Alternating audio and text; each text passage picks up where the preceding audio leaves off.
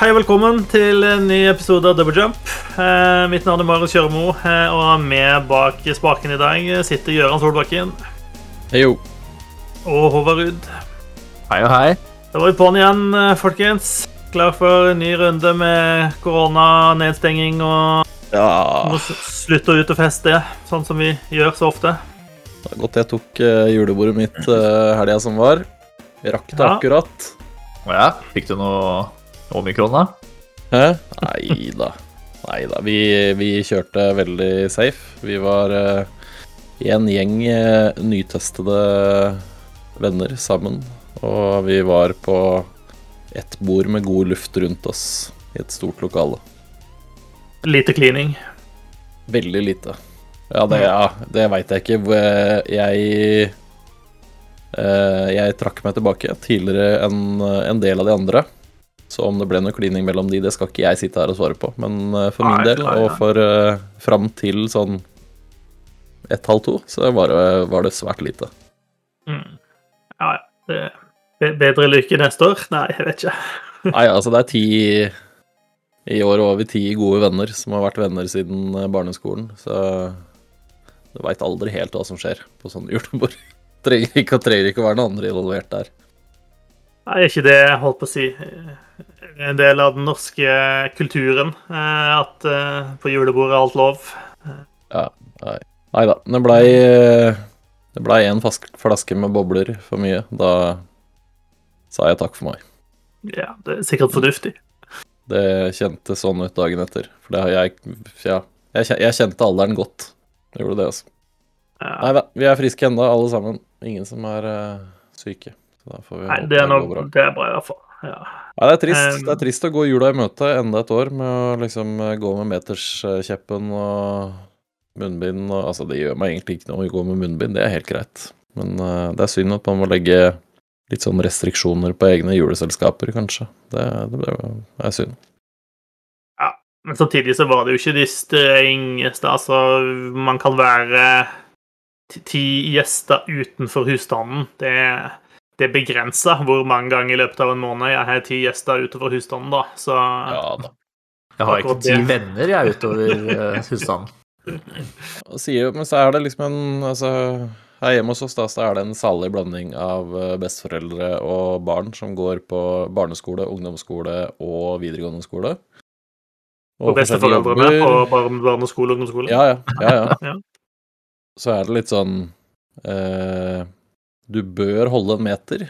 Men hvis man blir da 10-11 stykker, så er én meter imellom alle personene. Det er ganske, det er ganske mye plass, det. Ja. Men nei da.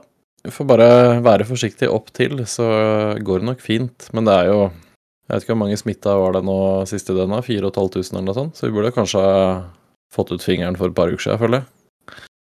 Snart er det vår tur. Ja. Vanlige folk. Vanlige folk folks tur. vanlige folks tur til å få korona. Mm. Yes.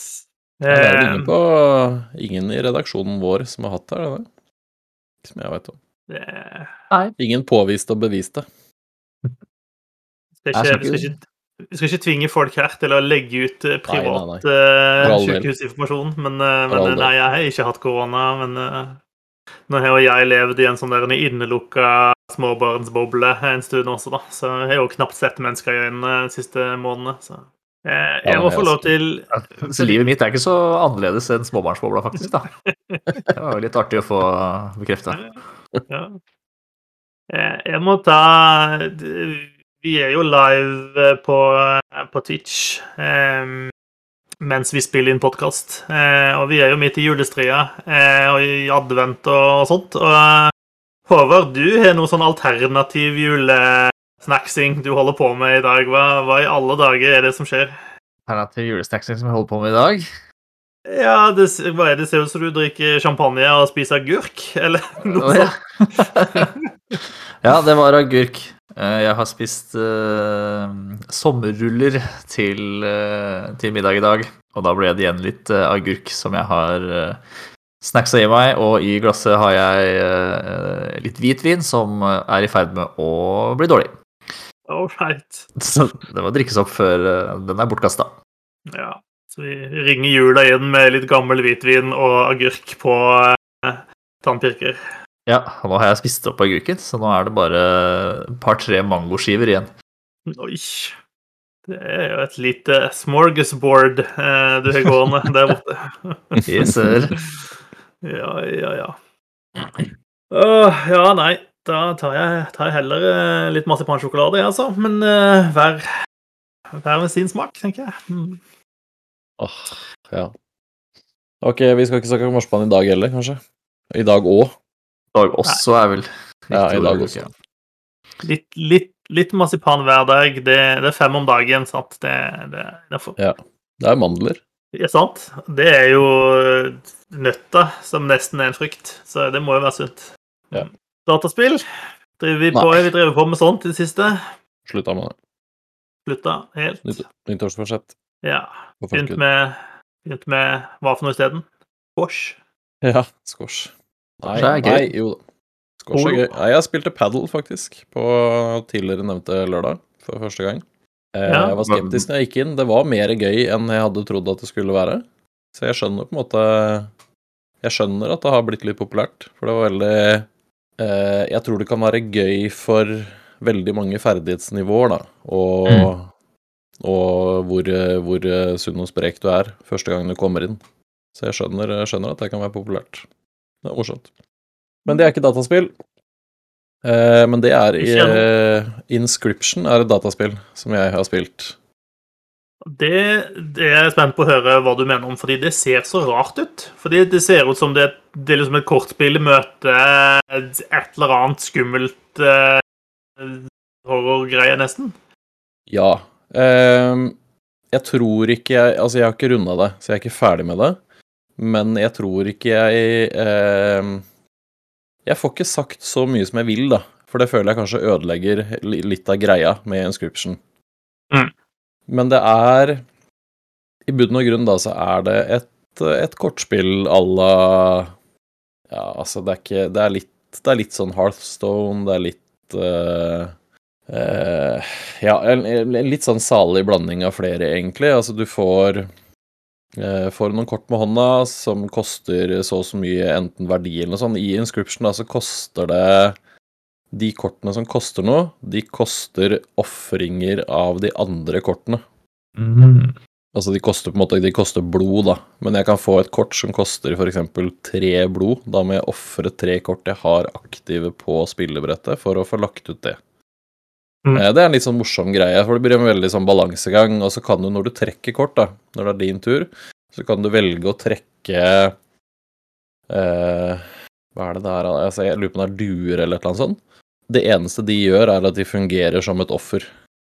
For de har nesten ikke hitpoints, de gjør ikke noe skade. Så det er liksom, du kan trekke et kort og vite at du kan legge ut og få et offer som ikke koster deg noe, eller så kan du trekke fra den andre bunken. Der har du de kule korta dine. Alle de andre morsomme kortene. Så det blir det er en litt sånn morsom, eh, morsom balanse du gjør der. Og så er det eh, Altså, kortspillet i seg selv er ganske straight forward. Du har tre på en måte tre ganger tre rutenett. Eh, så plasserer du dine kort, og så plasseres motstanderens kort. Og så angriper de stort sett i en nedadgående retning.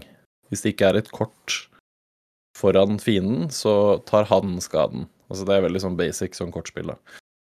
Men så har det også mange andre spesialkort som flyr på tvers av Altså det, det, det, det blir veldig Og det gjelder vel egentlig hele, hele inscription sånn totalt sett, at det blir veldig, veldig weird etter hvert.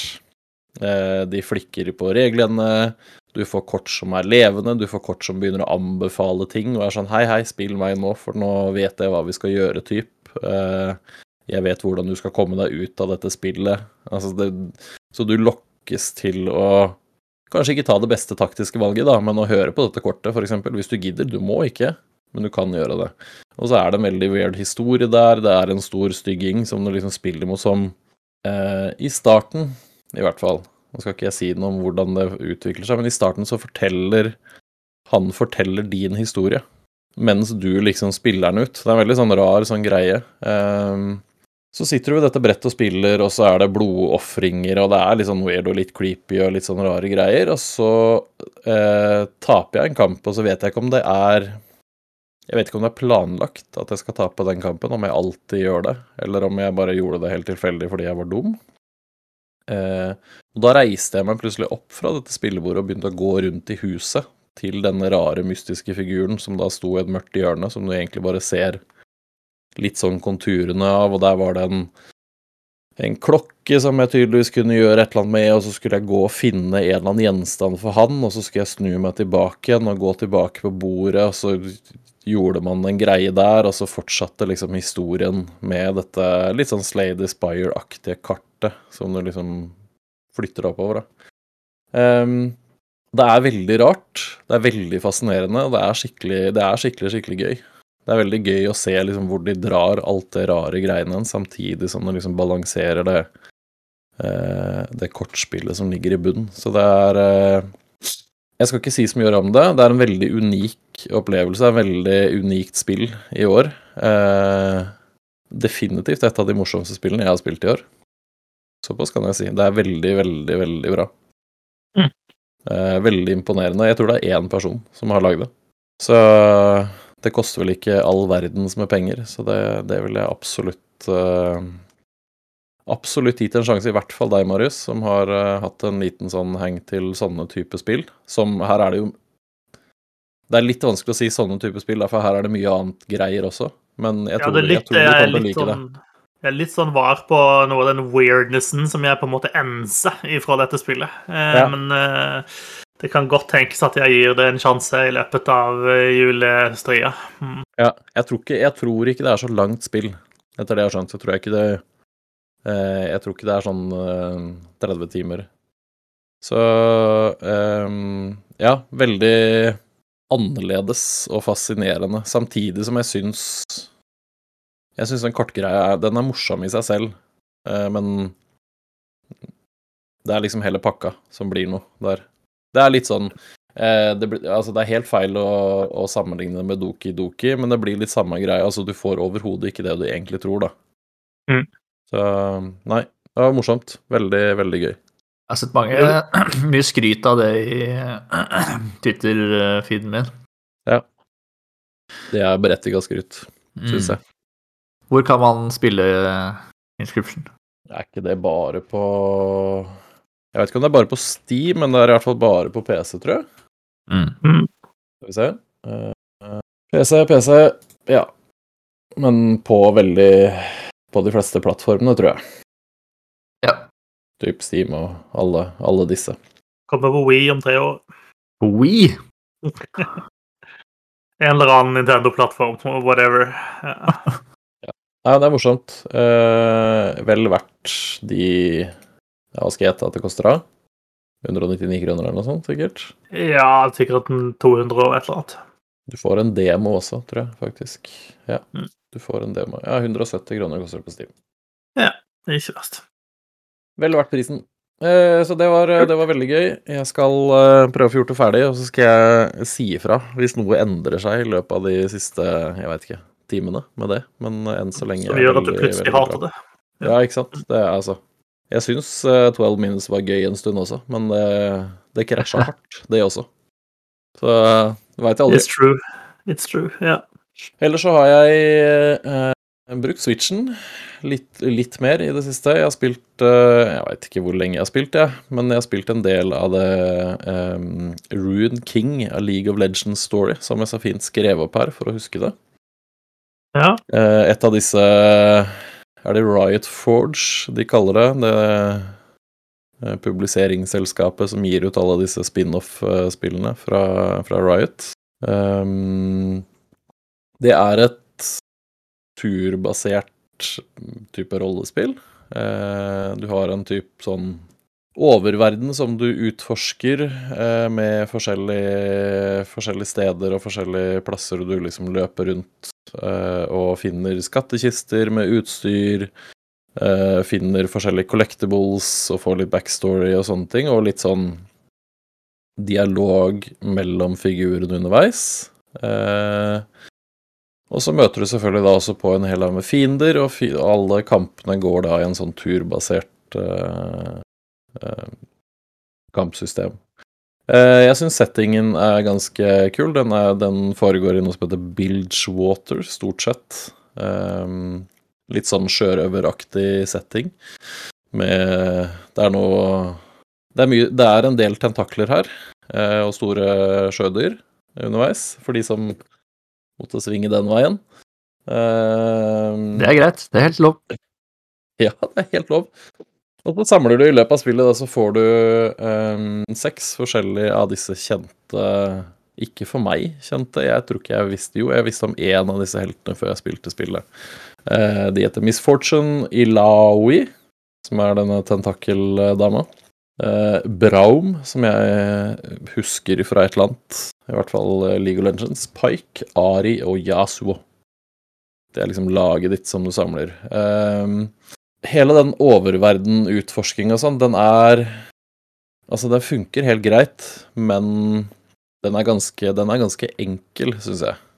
Den er veldig sånn også du løper rundt, og det er veldig Det er ikke noe åpent, altså det er en type satt vei du går, og så er det noen sånne off Altså noen sånne veier du kan gå ekstra hvis du liksom vil finne den kista, eller Men det er ikke noe sånn det er ikke noe stort åpen landskap du løper med. Det er stort sett trange ganger eller stier eller uh, brygger eller hva det måtte være. Uh, så den er, ikke, den er, ikke, veldig spennende. Og den er litt sånn treig, kanskje. Men jeg syns historien er Altså, historien er bra. Den er ikke, den er ikke helt, helt konge. Den er bra. Uh, jeg syns stemmeskuespillet er veldig bra. Dialogene liksom det, det, leveres veldig bra. Alt Altså, jeg tror alt så langt har vært stemmeskuespill. Det er vel kanskje noe sånn dialoglinjer og sånn med noen merchants og sånn som er uh, tekst, men ellers er mer eller mindre alt uh, Jeg tror ganske sikkert at det er Laura Bailey som spiller hun Miss Fortune, men jeg har ikke sjekka det. Så det, det funker greit, men jeg syns jeg synes kampsystemet er såpass gøy at jeg allikevel jeg, jeg, jeg, koser meg med det, da. Jeg har, ikke, jeg har liksom ikke kjeda meg veldig mye til nå. Altså, jeg eh, Jeg stopper ikke opp og nyter omgivelsene noen gang, men eh, jeg syns allikevel det er gøy nok til at jeg liksom drives videre til neste kamp og neste kamp hele veien. Og det er liksom Der er det Altså, alle, alle heltene har selvfølgelig sine unike greier. Eh, du har Um, noen få angrep som er instant, som du gjør med en gang. Det er bare sånn altså standard Standard liksom slag med våpentype. Det gjør du med en gang, det koster ikke noe mana. Uh, og så har du en sånn type defense-greie. Veldig sånn klassisk uh, turbasert. At du kan velge hvis du forventer et uh, angrep, så kan du liksom ta 45% mindre skade, eller hva det er. Og så har du en del sånne lane abilities, som de kaller det her. For har de liksom miksa inn litt av det League of Legends er, for de må jo ha med Som i Arcane, så må de liksom nevne lanes, og de må liksom nevne alle, en del sånne klassiske uttrykk, da. Men de har løst det ganske kult her, for de har eh, på denne lanes, da, som egentlig er mer eller mindre en sånn tidslinje for når alle, altså alle dine og alle fiendene skal gjøre sine angrep, så får du de opp på et sånt vindu nederst, som de kaller liksom lanes. Så da har du tre forskjellige valg når du skal gjøre en av de abilityene. Så jeg kan ha et angrep så, som sier det gjør 40 skade på den vanlige lanen. Det er liksom vanlig. Men jeg har en fast lane som gjør at jeg da gjør angrepet fortere, eller jeg bruker kortere tid på å få den neste turen min. Eh, eller så har jeg en powerlane som pusher meg enda lenger bak, så jeg har en lengre cooldown før jeg liksom får gjort det neste. Eh, så det blir en veldig sånn det blir en veldig sånn morsom balansegang med å liksom se skal jeg gjøre det fort, sånn at jeg kommer får sneket meg inn, får inn et ekstra angrep før bossen gjør noe, f.eks., eller får liksom lagt inn et forsvar. Eh, skal jeg gjøre mer skade i håp om at jeg kanskje får tatt ned en ekstra fiende, men da blir jeg stående lenger igjen hvis jeg liksom ikke får det til, da. Um, jeg, liker den lille tvisten på sånn derre For du har jo, det er jo flere sånne turbaserte nå som har kommet med en sånn type sånn tidslinje, hvor du liksom ser hvor du plasserer deg hele tiden i forhold til hvem som gjør hvilke angrep. Um, så den er ganske morsom. Og så har du også etter hvert så låser du opp uh, nye angrep som er sånn uh, Brown kan f.eks. dytte en fiende lenger bort på tidslinja, sånn at du kan liksom pushe den, dens angrep seinere.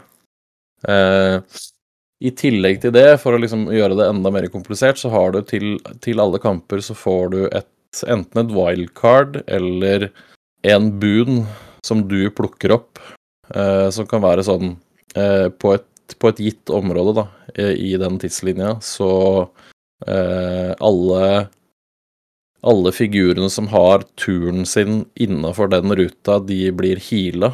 Eller de får en attack damage up, eller de får en haste, sånne ting. Eh, så da blir det enda mer sånn balansering, da. Liksom, altså skal jeg ta et fast-angrep, skal jeg ta et vanlig angrep, rekker jeg to kjappe før den kommer? Eh, og noen av de gjelder bare for laget ditt. Eh, flesteparten av de gjelder for både deg og fiendene dine, så da gjelder det også å prøve å finne ut sånn at ingen av fiendene kommer inn i den samme, ikke sant. Så det blir en liten sånn metagame hele den greia der, som er ganske Som er ganske morsom, faktisk. Mm. Um, og så er det Nå spiller vel jeg på den typ den vanskelighetsgraden det sto på. Og det er akkurat passe utfordrende nok, egentlig. Det var vel én eller to nivåer over det også, og da er det, det kjennes jævlig vanskelig ut, faktisk. Eh, så det er, det er, bra med utfordring i spillet sånn, altså. Jeg, jeg syns uh, hele, hele liksom kampsystemet med det, det høres Altså, det blir veldig mye informasjon når jeg prøver å liksom uh, forklare det nå, men det funker veldig greit. Det er veldig lett å lære seg. Det er veldig sånn visuelt enkelt å se for seg, egentlig. Det er noen ganger det er noen ganger noen av disse ikonene blir litt sånn vanskelig å se. Er den innafor den healing-firkanten eller ikke. Det er noen ganger jeg liksom har trodd at ja, men den er jo der, og så får jeg ikke den healen allikevel fordi det Jeg veit ikke helt hvor de liksom teller at firkanten starter og slutter, typ, da. Mm. Eh, men det er sånne småting. Eh, og så er det bra, bra variasjon på fiendene. Altså, du har Altså, du har jo alle disse vanlige gruntsene, men du møter allikevel en god variasjon av de som gjør litt andre ting, da. Det er en som er, altså, som er sånn type du må angripe denne med en lane ability fra den fast lane for å gjøre sånn at den ikke eksploderer når den dør. Altså, du, du, det er en del sånne ekstra greier som, som spillet introduserer hele veien. Så det er, det er et veldig solid og morsomt kampsystem, og så er det pakka inn i en ganske ålreit historie, egentlig. En ganske morsom setting. Eh, jeg syns den eh, hele den utforskningsbiten er litt sånn treig, men jeg Ja. Jeg er ikke noen gamedesigner, så jeg vet ikke helt hvordan de skulle løst den på en annen måte, egentlig. Men nei, det, er, det funker bra. Det er morsomt. Det er enkelt. Ikke noe super liksom komplisert eller krevende, verken historie eller noe sånt, men uh, god underholdning, vil jeg si at det er. Syns du karakterene er gode? Blir du liksom godt kjent med de? og blir du dratt inn i League of Legends-verden, på en måte? Ja, altså det er jo På en måte så er det litt vanskelig å ikke dra liksom koblinger til Arcane, som er veldig Men der er det jo Det er liksom dårlig gjort å sammenligne spill med en ren historiefortelling sånn, men ja, jeg syns det.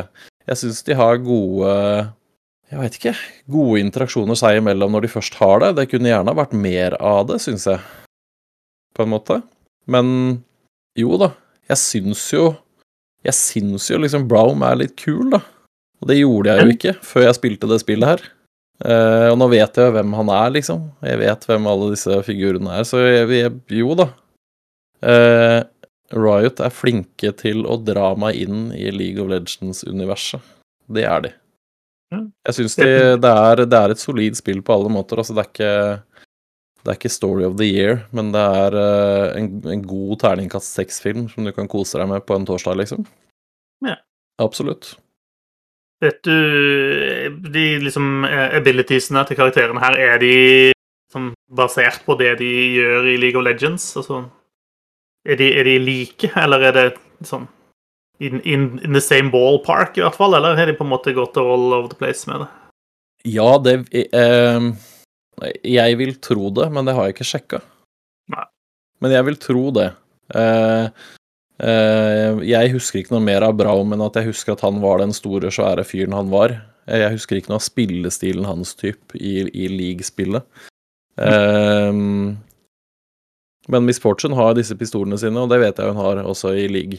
Og hun skyter eh, gjerne fort og flere ganger og treffer ganske hardt. Det tror jeg hun gjør i league-spillet. Så jeg tror det stemmer overens. Det er veldig rart hvis det ikke er det. Altså, det er jo Det så man jo også i Arcane. Da var det vel et par av de typ kule scenene, så gjorde de noen angrep som var litt likt det de gjør i spillet, typ. Mm.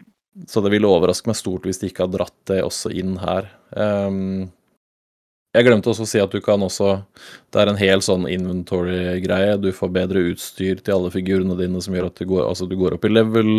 Du får erfaringspoeng, du får Sånn at du kan oppgradere de forskjellige evnene dine, sånn at hun i Laui, da, som har en sånn svær kule som hun slår med Når jeg slår med den nå, så har en 100% sjanse for å sømme to sånne tentakler som angriper Uavhengig av om jeg angriper, angriper eller ikke, så gjør de alltid sine angrep, eller de gir ekstra healing hvis jeg healer noen. Du får også boosta, så du får liksom bygd bygd figurene litt gode på det du vil, da. Altså, Brown er en sånn supertank hos meg, fordi jeg har bare liksom gitt den alle de tingene som gjør at han tåler mer skade, eller får bedre skjold, eller gjør alle Altså sånne ting, da. Så du kan på en måte spekke det litt som du vil også. Men det er morsomt. Kanskje vi, kanskje vi rett og slett er nødt til å begynne å spille League of Legends? Åh, det orker jeg ikke. Nei, fordi jeg skulle til å spørre, Får du lyst til å spille uh, si hovedspillet, League of Legends, av, uh, av det her?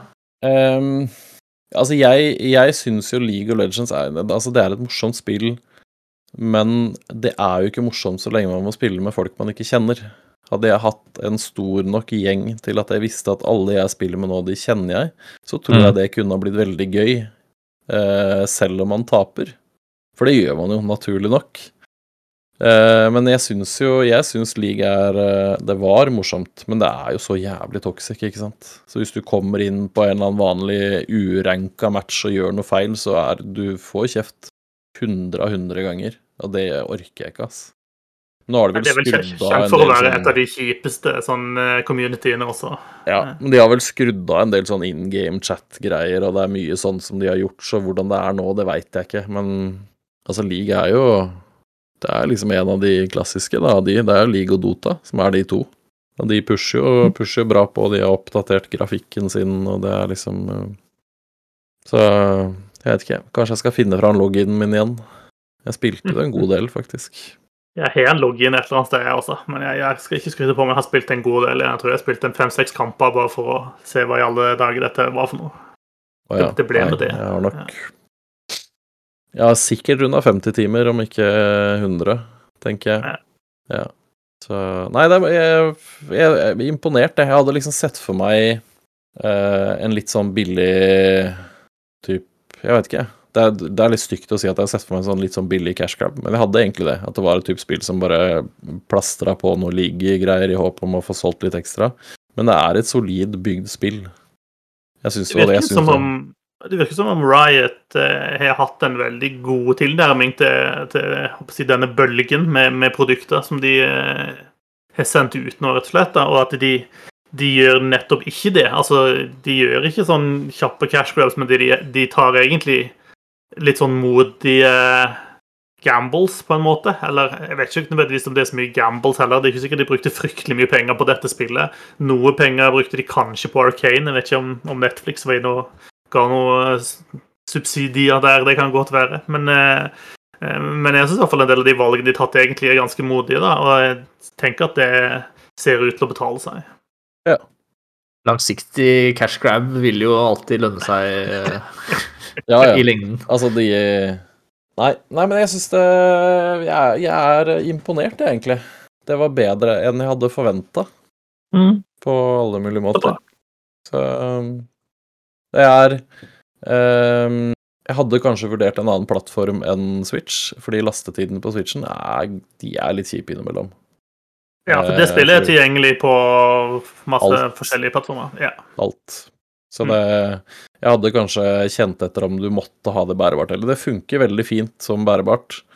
Eh, menyen og alt mulig funker, selv om du bare holder med den vanlige liksom, lille Switch-skjermen. Jeg har ikke den nye fancy skjermen heller. Eh, men det er litt sånn når du flytter det fra ett nivå, altså ett type en gate til en annen gate, så tar det Det tar akkurat litt for mange sekunder på kjære gamle Switchen. Det gjør det. Mm. Men det er jo en smal sak, da. Er bare Ja. Mm. Rekker en kvart TikTok-video hvis du er skikkelig utålmodig, liksom. Den er grei. Ja, men eh, bra. Eh, det, det, var det spilluken til Gøran? Nei, altså jeg har holdt, Nå har jeg lagt uh, Cyberpunk på is, tror jeg, fram til den uh, nye oppdateringa kommer. Uh, og så har jeg begynt å kødde med Assassin's Creed isteden. Ja. Eh, og så rota jeg meg ned i et ganske dypt høl, for jeg syns Jeg syns ikke det så så bra ut som det jeg hadde tenkt at det skulle gjøre. Og så begynte jeg på diverse Reddit-tråder, og så fulgte jeg noen linker der, og så gikk jeg videre, og så videre og så videre. Så nå Jeg brukte en hel kveld på å kalibrere TV og kalibrere innstillinger på Assassin's Creed, for det viser seg jo at Ubisoft eh, får ganske mye pes for denne HDR-greiene de programmerer inn, at det ikke funker bra, at det blir veldig grått og blasert og fælt. Men nå ser det fint ut. Nå er det De mørke områdene er mørke, og de lyse områdene er lyse. Ehm, så har jeg bare rota rundt eh, i Norge enn så lenge og funnet alle disse gule prikkene. Uh, Samla inn våpen og gullbarrer og sånn, og så gjorde jeg det første liksom raid, store raidet inn til han derre Kjotve.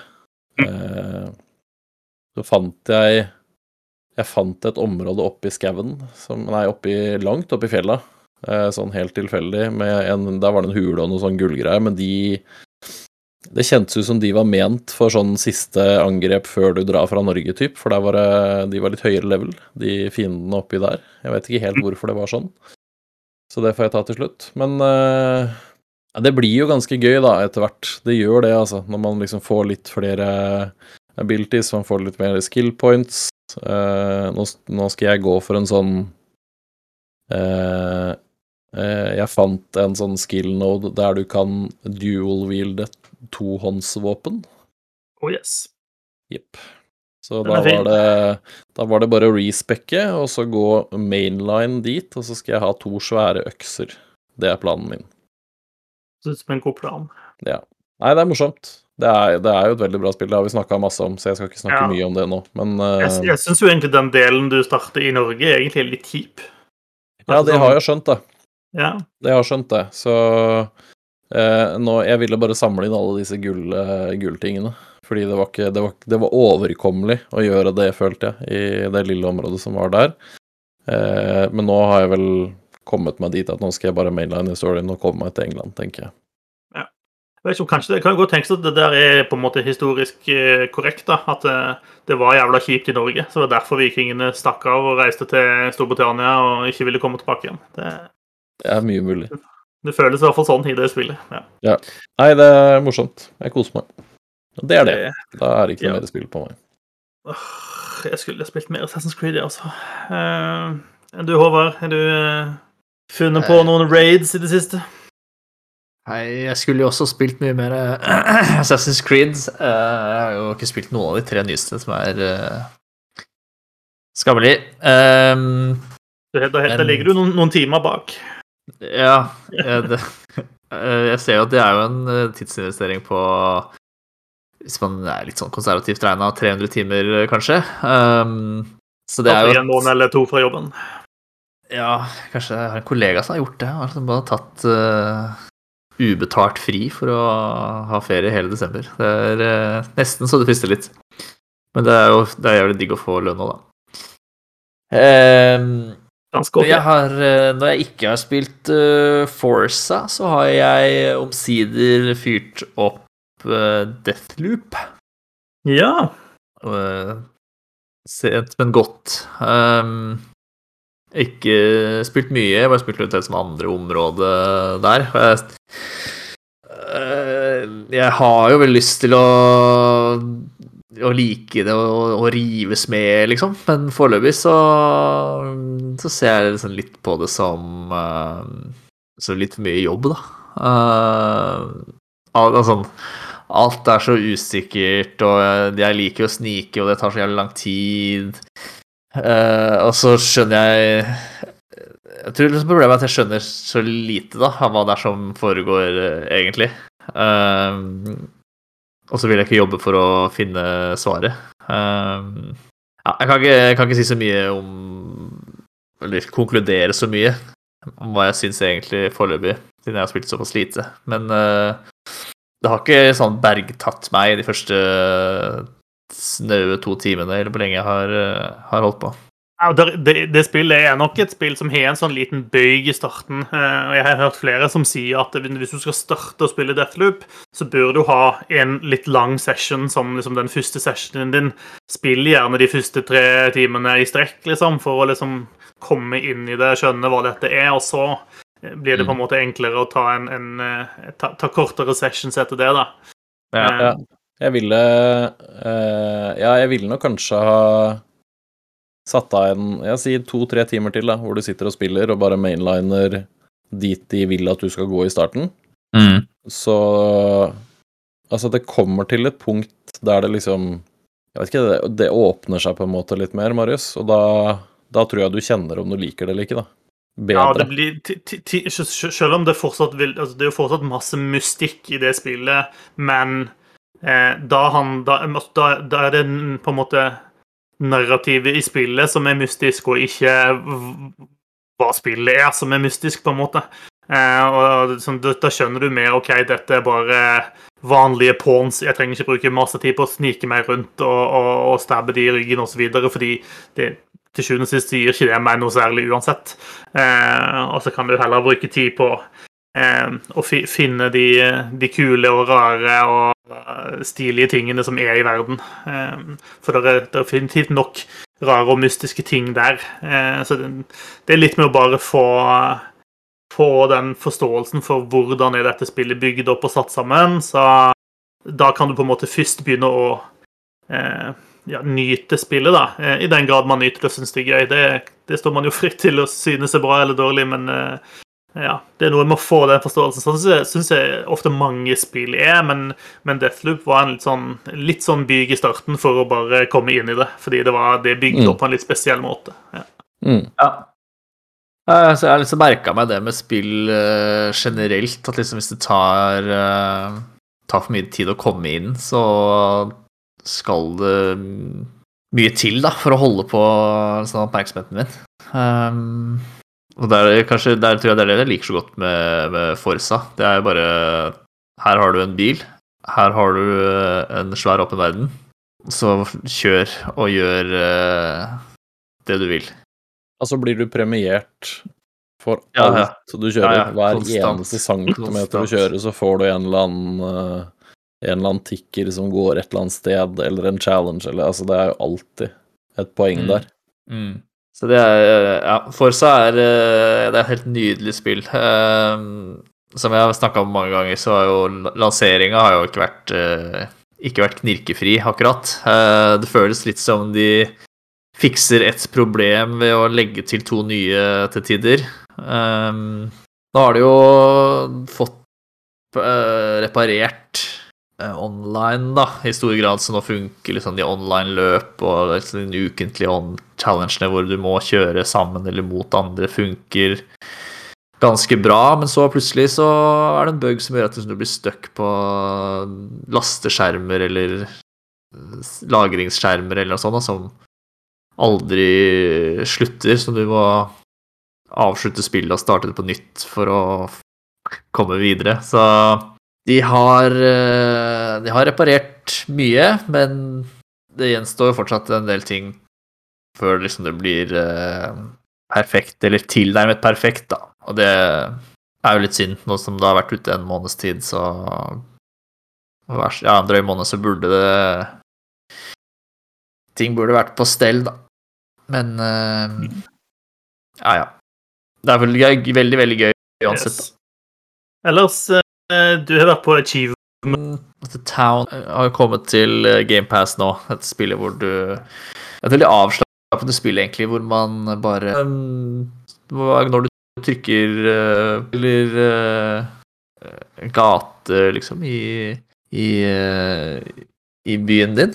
Um, og alt endrer seg helt dynamisk, ettersom hvor du med et hus på kan plutselig bli til en sånn Går ned til, uh, til havet hvis du opp et, setter opp et hus på andre sida, eller overfor det andre huset.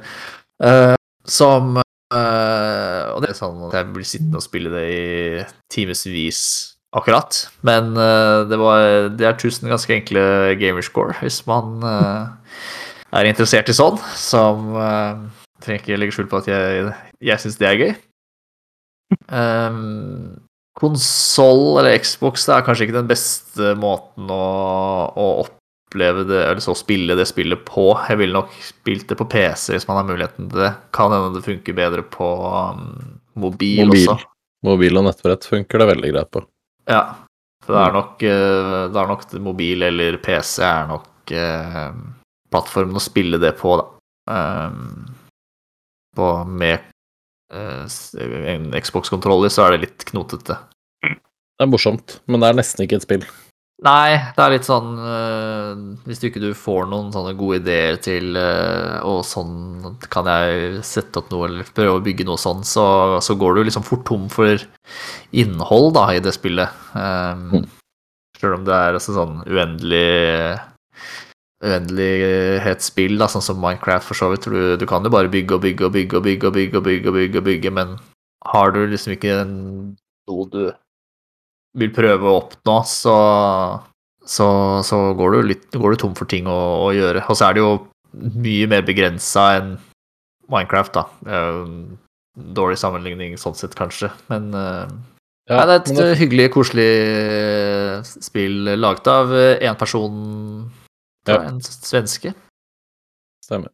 Kult. Et interaktivt tidsfordriv, i det minste, med masse gamerscore. Det er ja. greit. Ja. ja. Men ikke verst. Uh, Sjøl har jeg veldig lite å rapportere om denne uka. Det lille jeg har spilt, har stort sett vært Valheim. Uh, jeg har kommet såpass langt i spillet nå at nå har jeg kommet i på en måte der at jeg er komfortabel med å roe ned uh, slåssinga og jakten på skurkene og, og, og har funnet meg et fint sted å, å bygge og bo. Eh, så nå er det stor, stor, store byggeprosjekter eh, på gang. Eh, og da dukker det hele tiden opp litt sånn Den Heart and Home-utvidelsen er jo ikke en sånn der en megastor utvidelse, men det dukker liksom opp litt sånn småting. Helt litt sånn 'Å ja, da kan vi gjøre sånn, ja, det var kult.' Og sånn, nå, nå kan jeg bygge badekar, det er gøy. Eh, altså, ja, sånn forskjellige ting, da. Eh, så nå er jeg nettopp eh, eh, Nå er nettopp gjort ferdig Jeg har lagd et sånt fint utstillingsrom for liksom, der du kan henge opp hodet på alle monstrene du har drept, og sånne ting. Så har også lagt, et, jeg har lagt en kjeller med sånn skattekammer under, som er veldig gøy. Og så har jeg nettopp fullført på en måte kjøkkenet, eller slags sånn matlagings, mattilberedingsrommet mitt. Eh, og Der er det blant annet steinovn en av de nye tingene, så jeg kan lage mm. brød og pai og sånne ting. Det er veldig, veldig gøy. Så... Deilig pizza, da. Stein, steinovn. ja, men jeg tror ikke du kan lage pizza ennå, så det, det, det, må komme etter hvert. Eh, altså gleder jeg meg litt til fordi jeg tisa på Twitter at eh, det kommer en sånn liten juleoppdatering der vi bl.a. skal få sånne armor stands, eh, sånn at vi kan uh, plassere ut de forskjellige rustningene og sånn som vi mekker i spillet. Så det blir bra. Kommer, jeg har jo planer om å lage en ganske sånn grand hall som skal være mitt sånn ordentlige heim, og der, der må vi jo ha litt sånt, selvsagt. Så Nei, det er også veldig morsomt. Eh, skal vi gå litt over i nyhetenes verden? Eh, fordi det var en dårlig dag for internett eh, i dag. Eh, I skrivende stund. Eh, Amazon Web Service eh, har slitt noe voldsomt i dag. og det gjør at også mange spill har vært nede og ikke kun spilles. Det inkluderer nevnte League of Legends. PubG, Valorant, Dead by Daylight, Clash of Clans og Destiny 2 har alle hatt store utfordringer. Eh, plattformer som Epic Games Store og Uplay eh, har vært nede. Bethesda har hatt trøbbel. Eh, eh altså Streamingtjenestene Amazon Prime og Disney Pluss har hatt trøbbel. Og sjøl Amazon sin, altså Amazon.com har det vært umulig å søke opp produkter på. Eh, og eh, en artikkel på PC Gamer anslår jo at de i på denne tiden av året eh, så taper de sannsynligvis millioner for hvert minutt det er ikke mulig eh, å gjøre handel på Amazon.com på. Så, um, så, det har vært en dårlig dag for Amazon, og de, de har dratt med seg ganske mye annet eh, pga. det servertrøbbelet som de har hatt. da. Mm. Ja, for det her er jo serverleie, eller ja, leietjenesten til Amazon, som ja. uh, tusenvis av nettsider og applikasjoner og sånn kjører uh, fra. Jepp. I, 20, 2019 så skrøt uh, Amazon av at 90% av verdens største selskaper brukte deres tjenester. Mm. Så det, det, blir jo litt trouble når når det går ned. Det får ganske store ringvirkninger. Yes. Så noen, noen, ting er fortsatt nede i skrivende stund, mens andre ting er, sånn, er helt eller delvis oppe. Så det, de, jobber seg litt sånn tilbake. Men, eh, men det er sårbart, dette internettet eh, også. Det er ikke så mye som skal til. For med en gang noe går ned, så får det fort store rammevirkninger. Mm. Yep. Um, i fortsatt i skrivende stund. Eh, Halo Infinite kommer i morgen eh, ut, sånn for eh, oss vanlige folk. Og alt tyder på at det er veldig bra. Anmeldelsene som er tikka inn, er stort sett strålende. Høy score på meterkritikk. Både Gamesport, IGN og Game Informer har gitt spill ni av ti eller høyere. Og alle roser, roser kampanjen og sier at dette er noe av det beste Halo noensinne. Ehm, jeg blir litt gira, kjenner jeg. Det var sånn, Jeg har liksom tenkt sånn eh, Jeg har jo GamePass, og jeg får jo Halo, men sånn eh, Skal jeg bruke tida på det da frem til jul? da? I hvert fall når dere ikke er, co-op eh, på storyen sånn ved release. Skal jeg liksom bare vente med det? Men nå kjenner jeg at jeg blir litt sånn ja, jøss, dette må jeg nesten teste sjøl, da, når folk sier det er så bra. Jeg glemte å nevne det i stad, men jeg har begynt, eh, siden Halo Infinite nesten er her, så begynte jeg å spille Halo 5, Guardians, jeg, i uka som gikk. Uh, og det er litt sånn mer ordinært ja. i kvalitet, vil jeg si, så langt. da. Der kan man spille co-op, som jo løfter opplevelsen noe. Men av de tre kapitlene vi rakk å spille, så har det vært ganske ja, ordinært, syns jeg var uh, godt ordvalg av meg sjøl i stad. ja, det er jo kanskje heller litt bedre by comparison, da, så Ja. Men, men ja, jeg er også litt der Skal jeg fyre opp det i morgen? Eller skal jeg vente til Cope kommer? Må jeg, jeg, må gå en runde med meg sjøl der. Men uh, det er lovende, lovende anmeldelser, og sist jeg var innom Metacritic, så hadde det fått 87 av 100 i snitt. Det er jo god, et godt tegn. Ja, jeg lurer på om det kanskje falt til 86, eh, men eh, fortsatt ganske høyt. Eh. Nei, Det spørs om ikke vi må innom Halo før vi skal ha vår Game of the Year-sending. Eh, fordi det lukter jo som at det er noe som må diskuteres der. Eh, ja. Og apropos Game of the Year. Eh, den Senere denne uka, på torsdag, så går The Game Awards av stabelen. Noe som mange gleder seg til, ikke nødvendigvis fordi at de bare er så opptatt av alle awardsene, men også fordi at det pleier å være mange eh, announcements og nye trailere og sånne ting der. Og Joff Keeley har vært ute og lovt at her kommer det kule ting å se på. Der er eh, eh, store, etterlengta konsollspill som skal vises frem, og ja Han mener at folk kommer til å bli overrasket og begeistret. Um, Xbox så... har vært tisa litt, i hvert fall har jeg sett.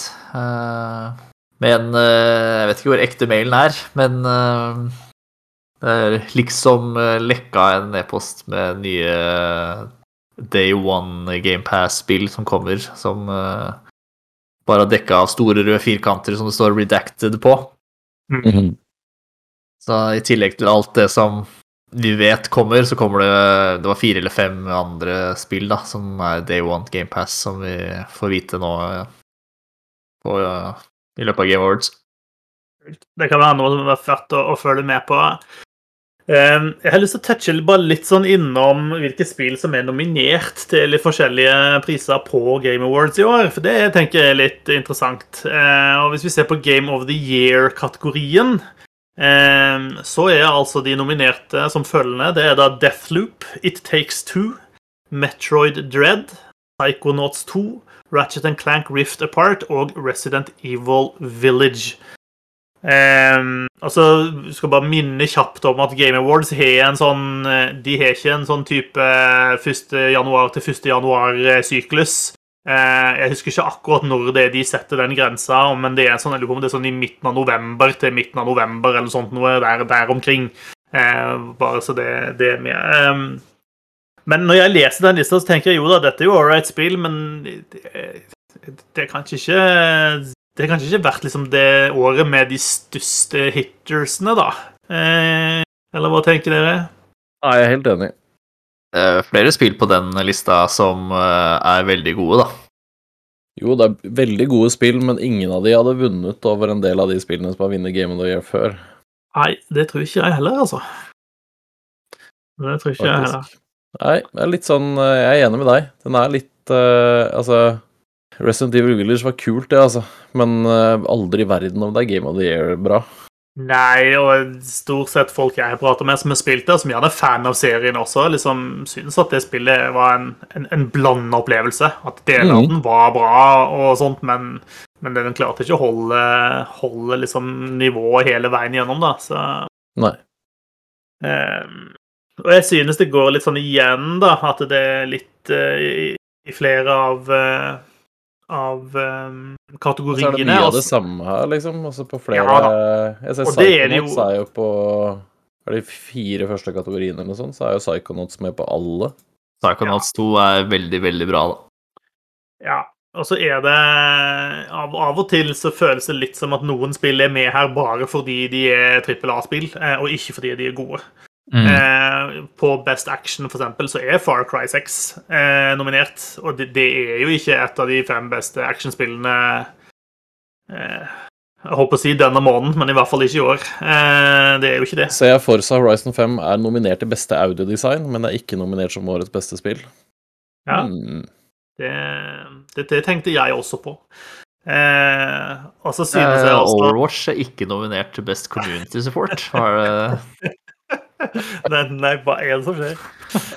Uh, nei, altså, Jeg pleier ofte å bli uh, litt provosert uh, av kategorien Best Role-Playing, fordi den der er det ofte så mye rart. Og ikke de spillene jeg mener er de gode rollespillene som er kommet ut i løpet av året. og I år så er jo da Cyberpunk der.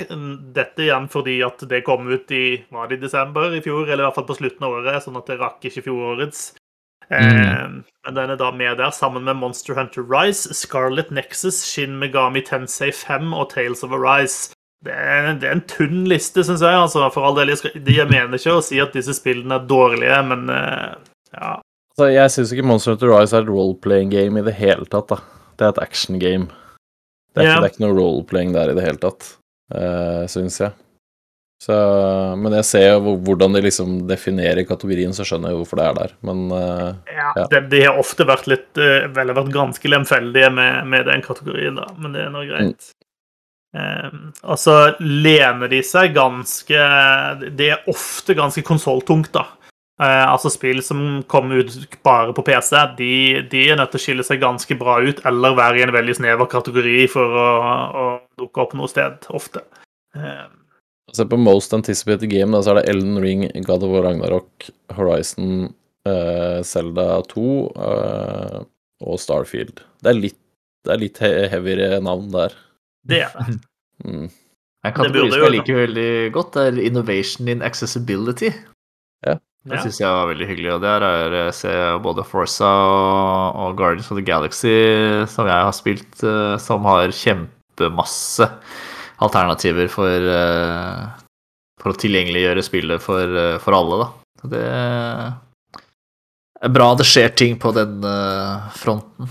Yep. Debut Indie der er altså Artful Escape, Forgotten City, Kena, Sable og Valheim. Det syns jeg jo egentlig var en ganske god, god samling. Mm. Enig i det.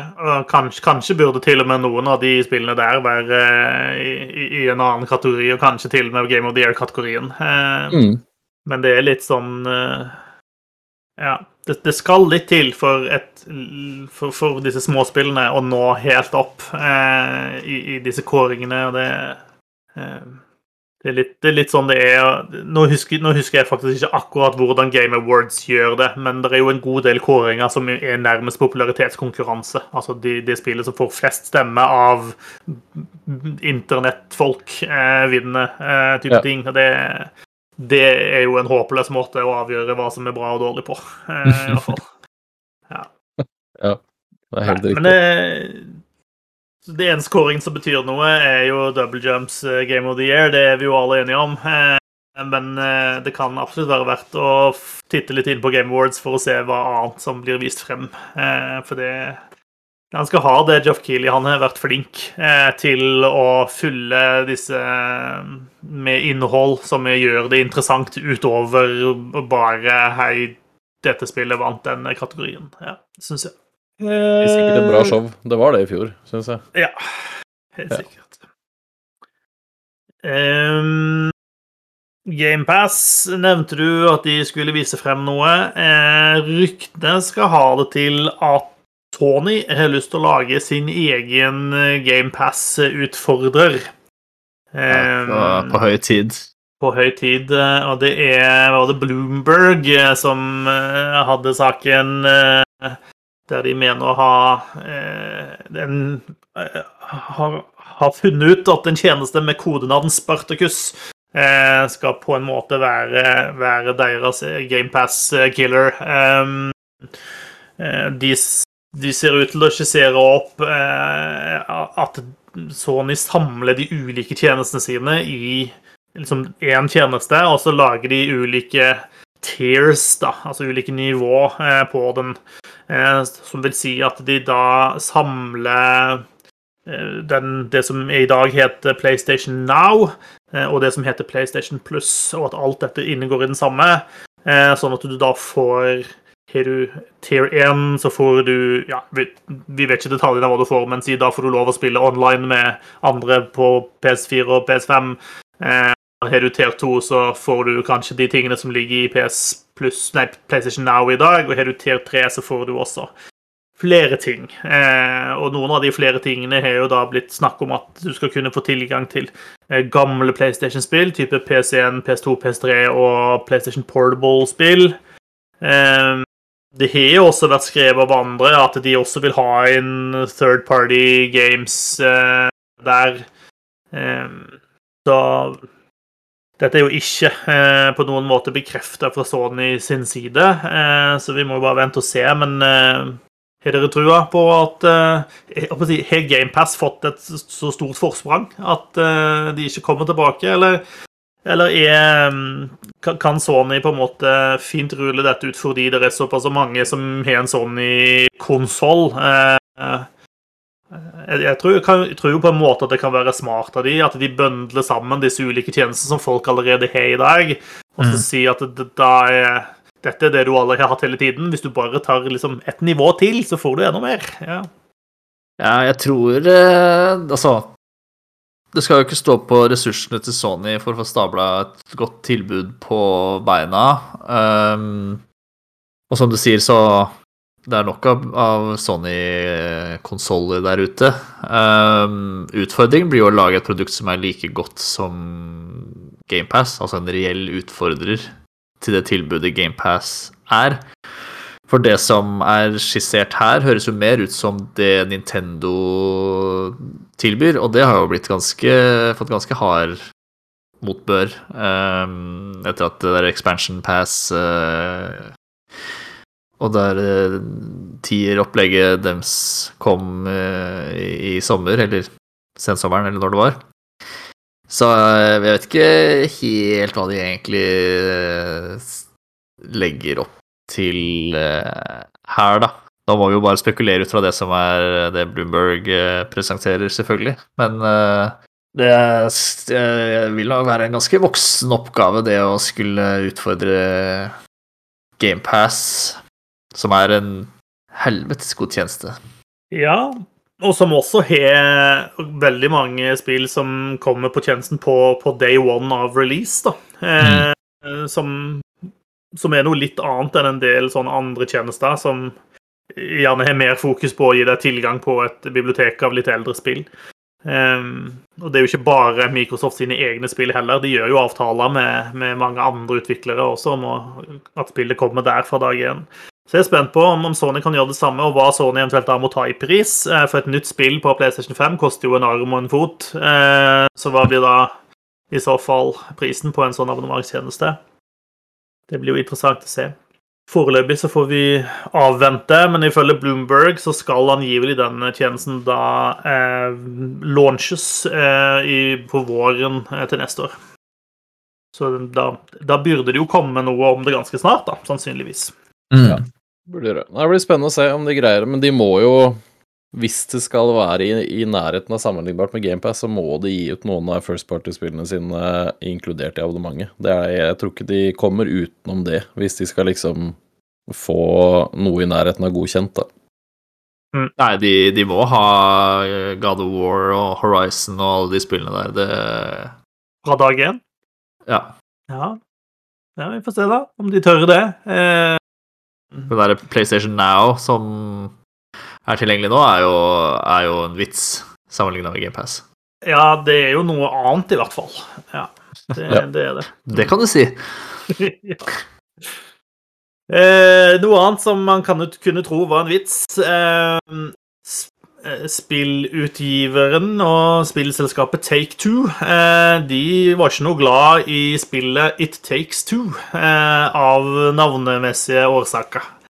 Eh, og de var faktisk så misfornøyde at de eh, Og dette er da angivelig, eh, fordi dette er ikke bekrefta informasjon, eh, men de skal jo da angivelig ha pusha, pusha advokatene sine på Hazelight, som, som er utviklerne av It Takes Two, og sagt at navnet der det får dere faktisk ikke lov å ha på spillet deres, fordi det er altfor likt vårt navn, og det bryter med vår varemerke. Og da kommer vi litt tilbake til eh, hvordan eh, sånn varemerkejuss fungerer i USA, som er litt sånn tåpelig. For det er veldig lett å lese dette og tenke 'herregud, så kjipe Take Two er som gjør dette'. Eh, problemet i USA er at hvis du har en varemerke, så er du nødt til å beskytte den varemerken, hvis ikke mister du den.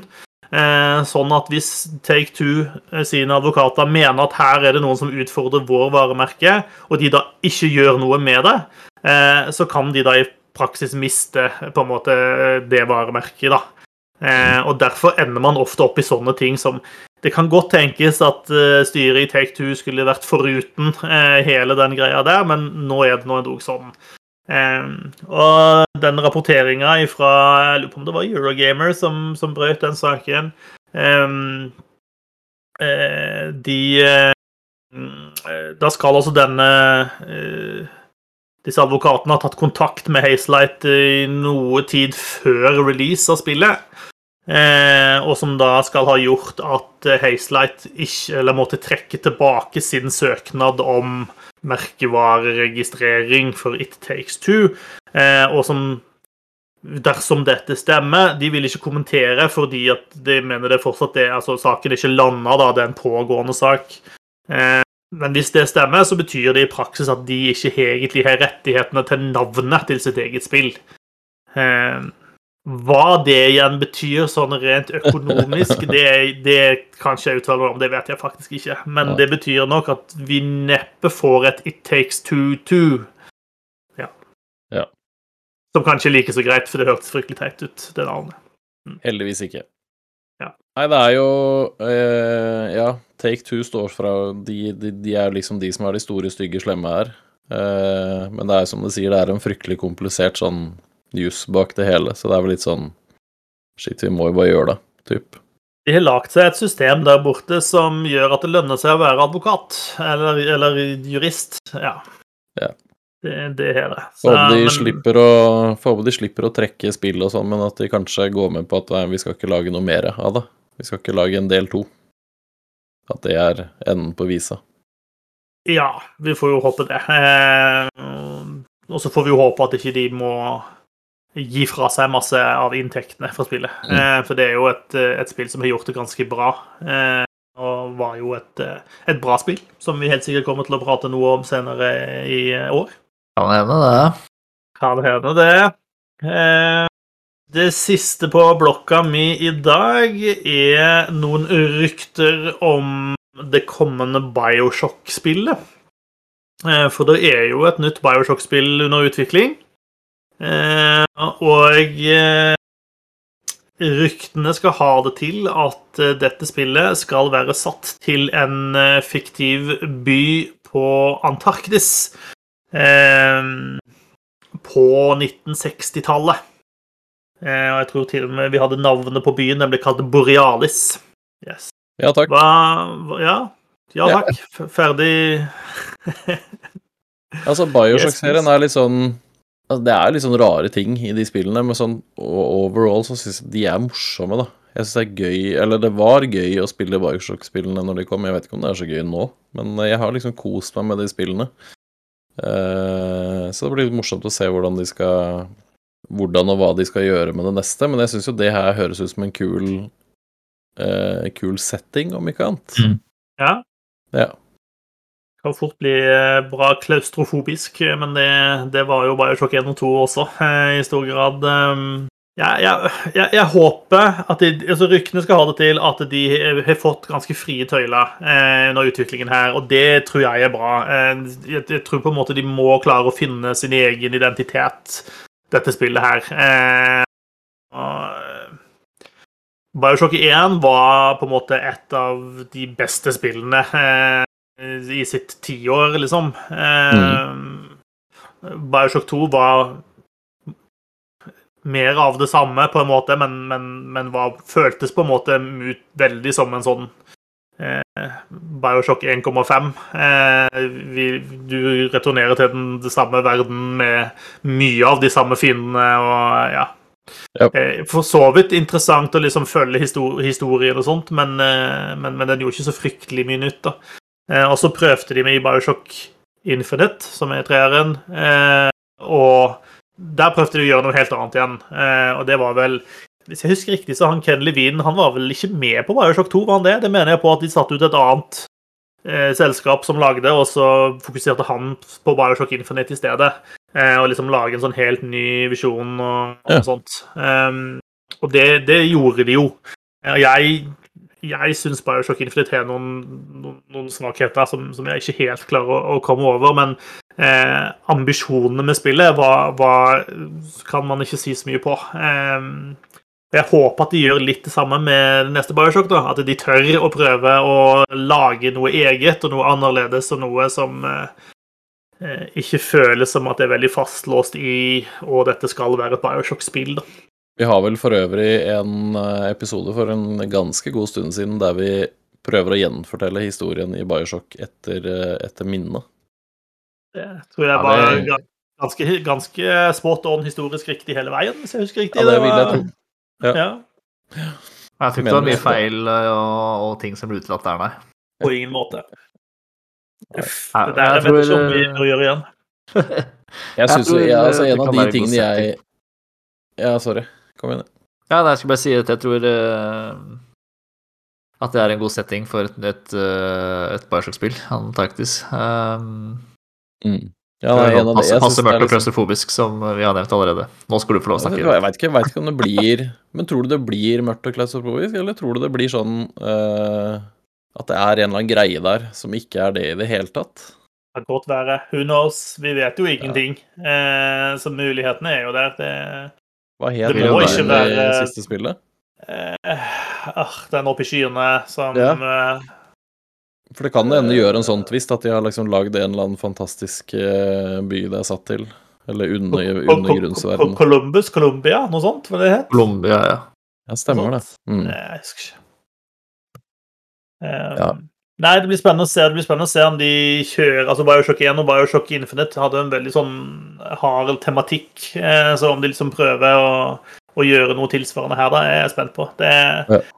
Jeg synes de på en måte eh, De kunne lagt hva som helst, eh, men når de bestemmer seg for at vi skal lage et nytt Bioshock-spill, da legger de på en måte lista fryktelig høyt for seg sjøl. Da. Eh, og da, da, bygger de en del forventninger, og da, da må de nesten levere noe også. Mm. Det er spent, spent på hva det er som dukker opp ifra Cloud Chamber, tror jeg de heter, det de studiet som har ansvaret for å utvikle spillet. Mm. Det er spennende. Det gjør det. Eh, mer Bioshock eh, kan potensielt være veldig bra. Eh, men som sagt, dette er, er rykte, men de er Det fremstår som om de er bekrefta fra flere hold, da. Eh, så kan være det noen som eh, som har en stor munn og prater litt mer enn de burde i Cloud the Chamber. Eh, who knows? Tydeligvis. Yes. Andre som har store munner, har prata ganske mye. Det er oss. Eh, men vi skal gi oss eh, akkurat nå, tenker jeg. Så er vi tilbake om en ukes tid, og da kan vi bl.a. prate om Game Awards og hvilke nye annonseringer vi fikk der. Og vi kan være veldig uenige i prisene som ble delt ut, osv.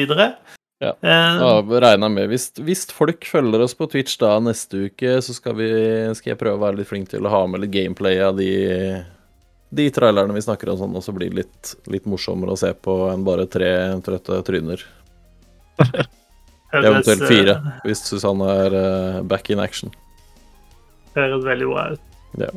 Um, det tror jeg vi gir oss for i kveld. Eh, fra meg sjøl, Gøran og Håvard, så vil jeg si tusen takk for at du hørte på. Eh, følg alle koronaanbefalinger og ta vare på dere sjøl i mellomtida. Og så på gjenhør gjensyn om en ukes tid.